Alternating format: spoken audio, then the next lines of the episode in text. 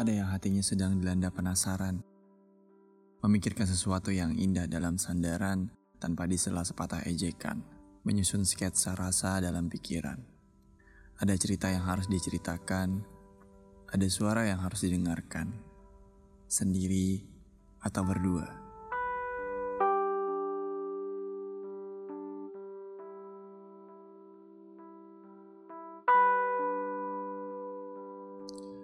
Kita tidak pernah tahu bagaimana caranya menikmati rasa ini.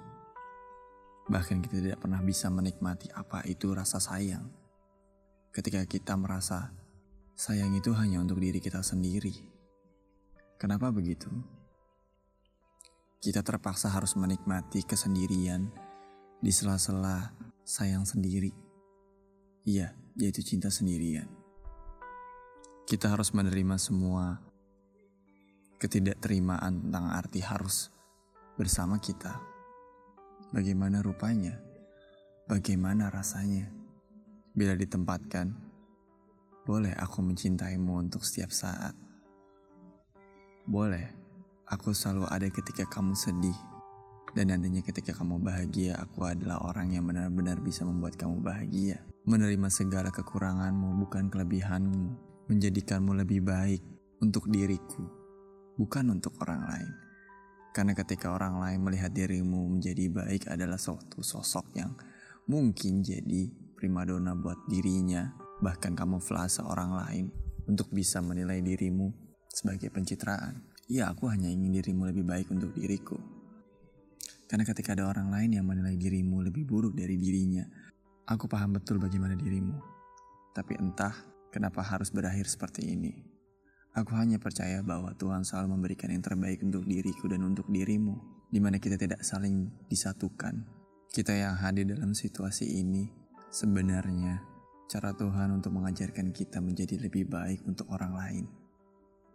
Tanpa aku sadari, sesuatu hal yang menurutku egois untuk diriku sendiri bahkan dirimu membuat kita jadi orang yang lebih baru. Kita terlahir di satu waktu yang sama-sama tidak kita inginkan dan membuat kita menjadi kita. Aku paham. Pada akhirnya, kata kita adalah dua orang yang saling menyatu akan berubah menjadi mereka, di mana ada aku, kamu, dan aku yang bukan dia, di mana dia yang bukan aku, bisa yang jadi benar-benar melengkapi. Meski kita harus jatuh cinta di arena yang kita sebut itu lini masa, lini masa waktu, di mana kita pernah ada.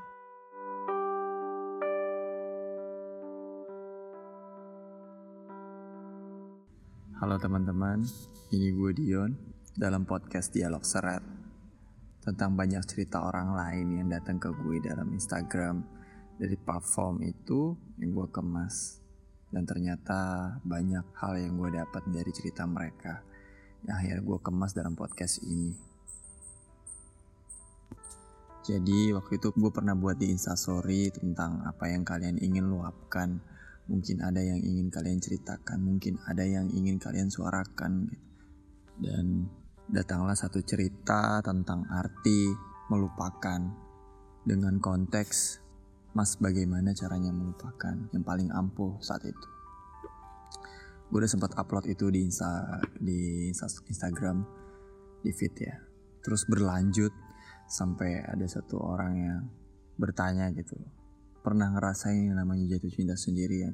Dan di orang yang pernah nggak ngerasain jatuh cinta sendirian dan bagaimana caranya melupakan yang paling ampuh ini kayak ceritanya tuh nyatu gitu loh nyamuk akhirnya gue putuskan gue buat podcast ini gitu. Karena gue gue tuh ngerasa uh, eh, gue pernah ada di posisi ini gitu. Ketika kita jatuh cinta sendirian dengan orang lain karena kita dipojokkan dengan suatu masalah yang tidak ingin kita temukan gitu. Pada akhirnya masalah itu datang bukan karena kita mau gitu. Pada akhirnya sih sebenarnya ketika gue sadari itu di sela-sela kegalauan di akhir-akhir kegalauan yang gue harus jalani gitu. Ya, saat itu ada dia masuk ke gue, uh, dia bilang gini, gue lagi senang sekarang, tapi gue juga lagi sedih gitu.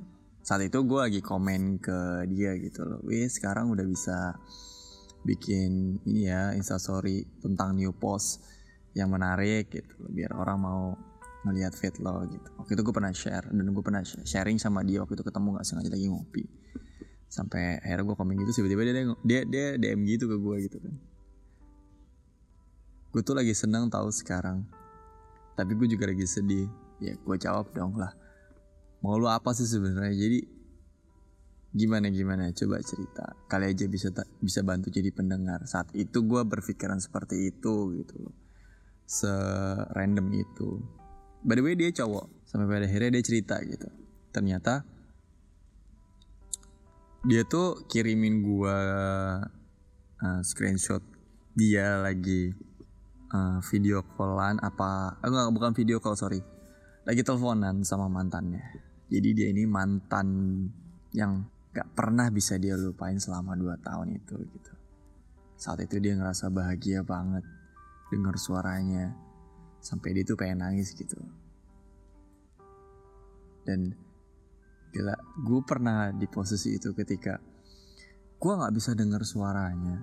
Gue pernah datang ke kerjaannya gue hanya bisa melihat dari jauh. Gue cuma pengen mastiin. Saat itu gue dapat info dia pernah kerja dia saat itu kerja di situ mantan gue by the way akhirnya gue datang ke sana gue cuma pengen ngeliat sosok dia gitu loh dari jauh gue cuma hanya memandangi dan berdoa dari jauh gitu Semoga kamu baik-baik aja terus ya. Dan karena ceritanya dia ini gue jadi ambiar gitu loh gila sih.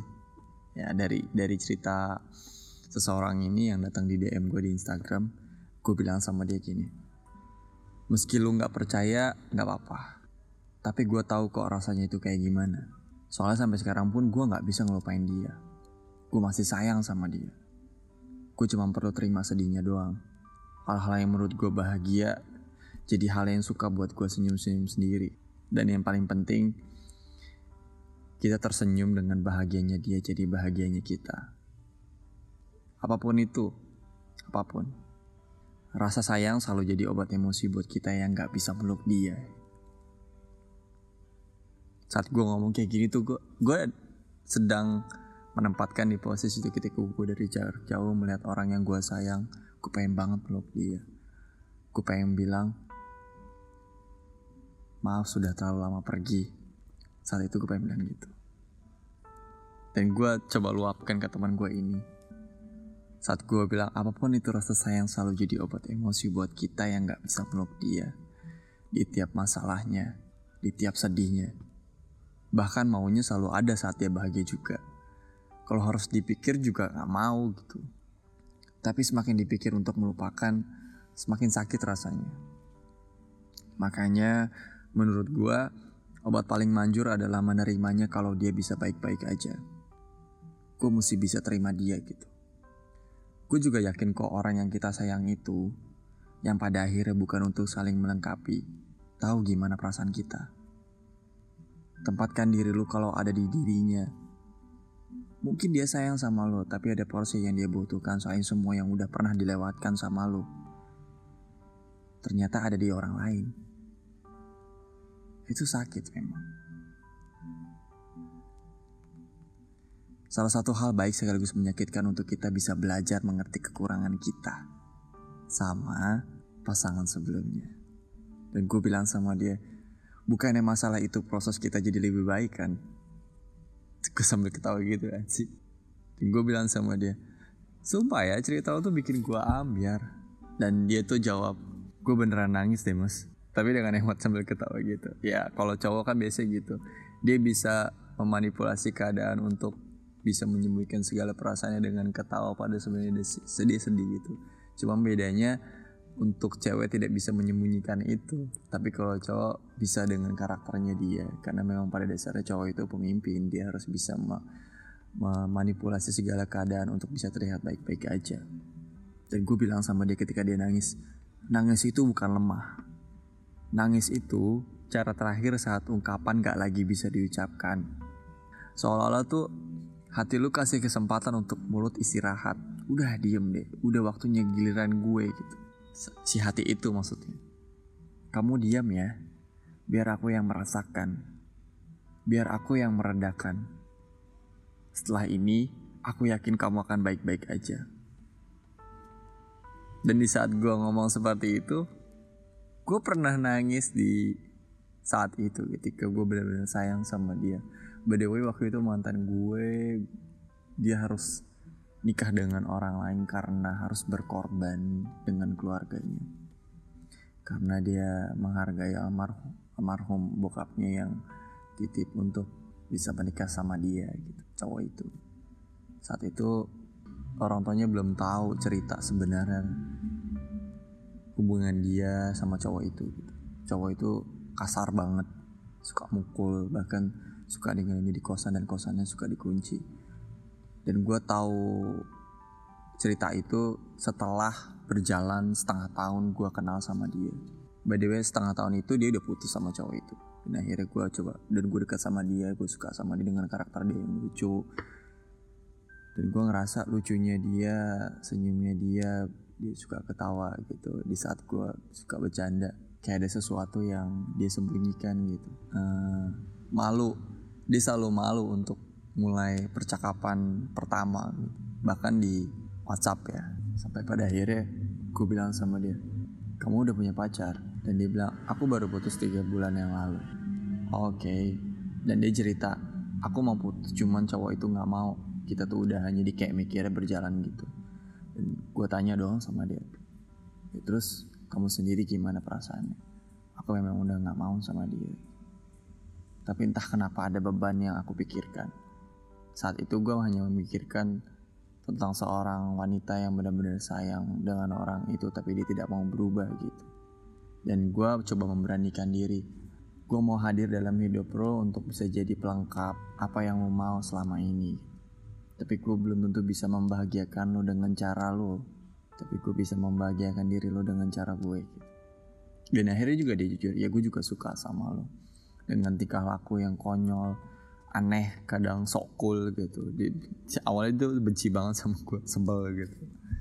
Dia dia selalu kesel ketika dia nanya dia selalu gue tuh selalu mentahin pola pikir dia gitu. Karena ya menurut saat itu menurut gue gue mementahkan pola pikir dia karena dia terlalu banyak berkorban untuk orang lain. Dan gue pernah di posisi itu.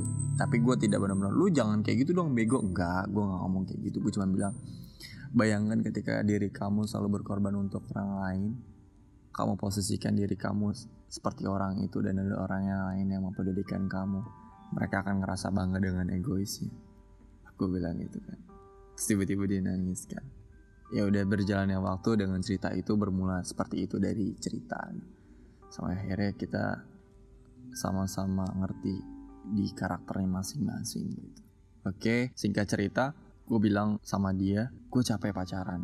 Karena menurut gue pacaran itu hanya untuk mengejar status diterima dalam halayak banyak untuk pengakuan baik dalam diri kita ataupun orang lain dan gue bilang sama dia gue nggak butuh pengakuan gue cuma butuh kita sama-sama saling mengerti satu sama lain dengan kita sama-sama saling mengerti, dengan kita sama-sama saling tukar kasih sayang orang lain tanpa perlu tahu kita pacaran pun dia bakal tahu kita pacaran. Saat itu gue bilang gitu. Tapi bukan berarti kita nggak publish loh gitu. Karena menurut gue sesuatu hal yang bahagia tanpa perlu orang lain tahu ketika gue bisa merayakan dengan diri gue sendiri perkara itu instastory ataupun saat itu ada instastory ya perkara itu feed ataupun mungkin whatsapp kenapa enggak gitu gue pengen menikmati waktu gue dengan diri gue sendiri dan dia sampai akhirnya gue berjalan waktu beberapa tahun sama dia tiba-tiba gue putus dan ya dengan karakter dia yang selalu berkorban buat orang lain. Bahkan orang untuk orang-orang yang dia sayang dia bisa mengorbankan kebahagiaannya dia.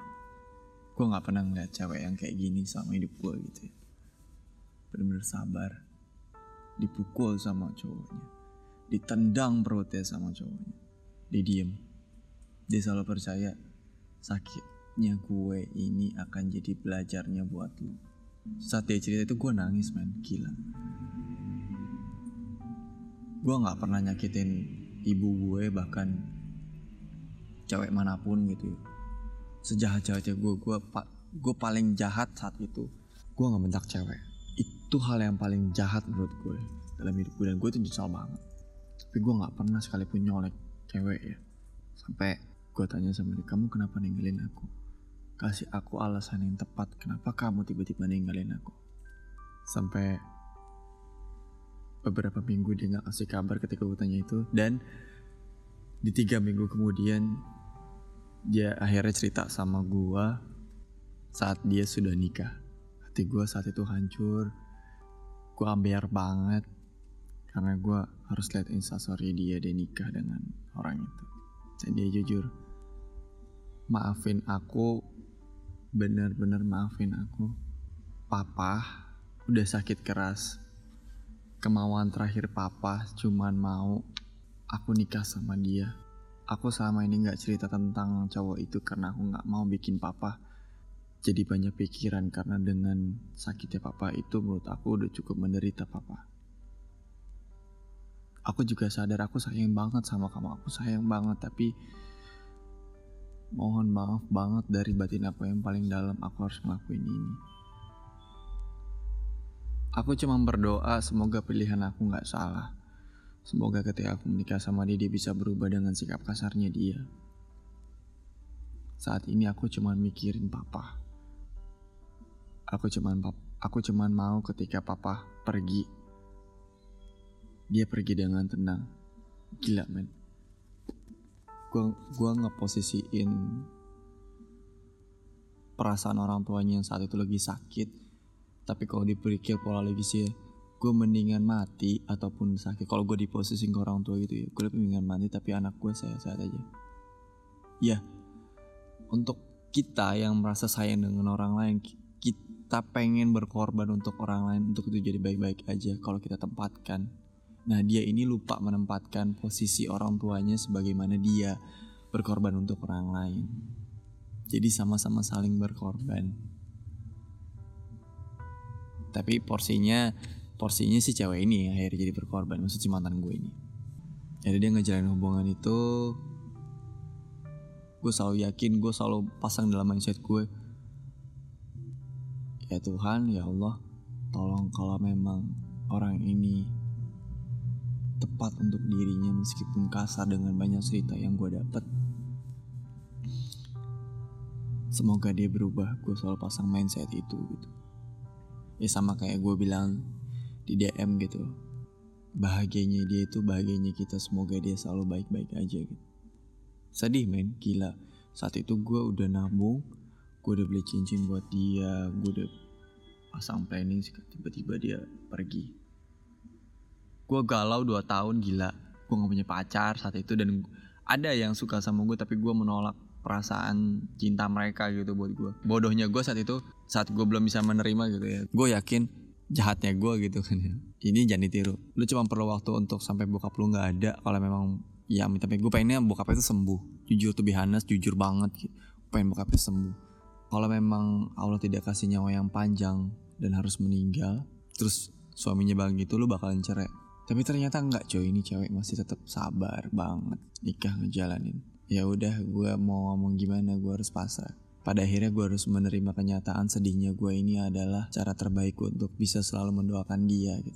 Dan ketika dia bisa bahagia, cara terbaik buat diri gue mengobati yang disebut itu apa ya insecure gitu dengan dirinya. Berjalan lima tahun sampai sekarang gue jadi inget lagi cerita itu ketika ya salah satu followers gue dan gue pernah ngopi bareng sama dia gitu.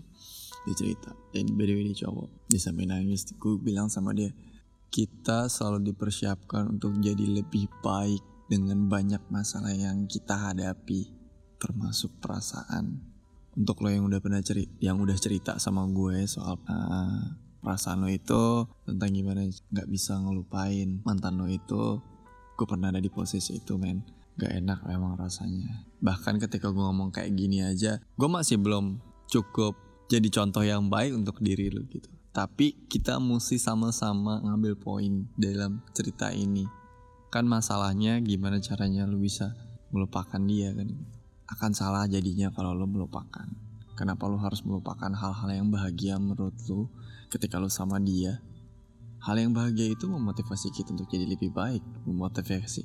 Alah kok gue jadi belepetan ya? Memotivasi kita untuk selalu bersyukur dengan keadaan yang kita punya tentang hal bahagia gitu ya. Kenapa harus dilupain? Jangan dilupain. Manusia memang punya sifat lupa Tapi bukan berarti dia gak akan inget lagi. Dan ketika lo inget lagi, lo akan galau lagi. Lo hanya perlu mengingatnya sebagai hal yang perlu lo terima. Menerimanya. Ya nantinya lo bakal senyum-senyum sendirian ketika melewati hal itu. Dan ketika lo senyum bukan hal sedih yang lo lewatkan. Tapi setiap hal yang lo lakukan bersama sama dia, itu hal yang bahagia buat diri lo. Cenderung memikirkan hal yang sedih itu hanya memaksakan kita untuk tidak melangkah jadi lebih baik. Gue Dion, di podcast Dialog Serat, ada cerita yang harus diceritakan, ada suara yang harus didengarkan.